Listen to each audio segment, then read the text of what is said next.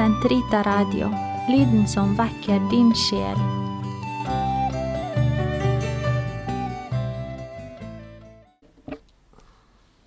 Den katolske kirkes katekisme, uke 11, fredag, paragraf 1865 til 1876. Syndens utbredelse.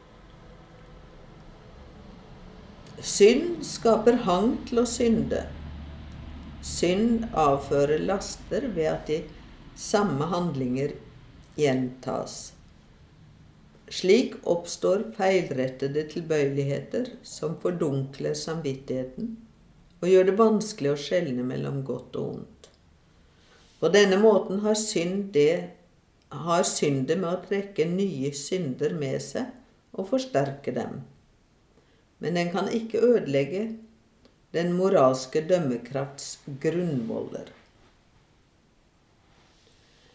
Lastene kan klassifiseres etter de dyder de strider mot, eller de kan knyttes til de hovedsynder som kristen erfaring skjelner mellom, etter Sankt Johannes Cassianus og Sankt Gregor den store.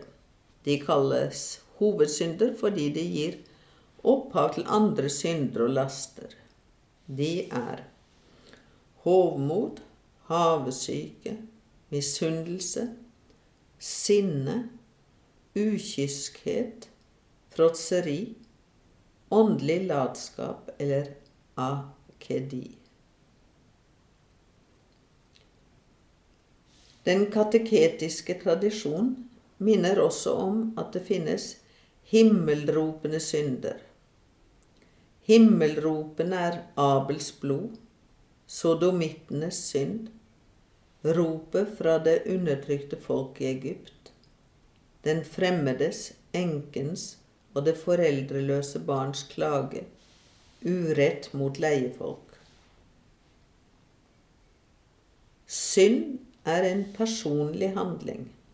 I tillegg har vi ansvar for synder andre begår når vi samarbeider med dem, direkte og med overlegg ved å anbefale dem, råde dem, rose dem eller godkjenne det de gjør.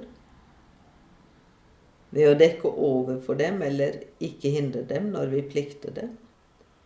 Ved å beskytte dem som gjør noe galt. Slik gjør synd mennesker til hverandres medskyldige, får begjær, vold og urett til å råde grunnen blant dem. Synd skaper samfunnsmessige forhold og ordninger som står i strid med Guds godhet. Syndens strukturer er uttrykk for og virkningen av personlige synder. De får ofrene til i neste omgang å gjøre ondt. I analog betydning utgjør de sosial synd. Kort sagt for om Gud har sperret alle inne i opprøret, var det for å slutte alle inn i sin miskunn. Synd er et ord, en handling eller et begjær som strider mot den evige lov. Den er en krenkelse av Gud. Den gjør opprør mot Gud ved en ulydighet som står i motsetning til Kristi lydighet. Synd er en handling som strider mot fornuften. Den sårer menneskets natur og angriper solidariteten mellom mennesker. Roten til alle synder ligger i menneskets hjerte. Hva slag de er av, og hvor alvorlig de er, bestemmes i første rekke ut fra objektet. Å velge med overlegg, dvs. Si med viten og vilje, noe som på en alvorlig måte strider mot den guddommelige lov og menneskets endelige mål, er å begå en dødssynd. Den ødelegger kjærligheten i oss, og uten den blir evig salighet umuliggjort. Om den ikke angres, medfører den evig død. Svakhetssynder utgjør en moralsk uorden som kan helbredes ved kjærligheten som forblir værende i oss.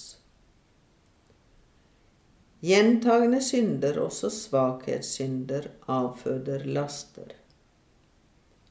Blant dem utskiller vi hovedsyndene.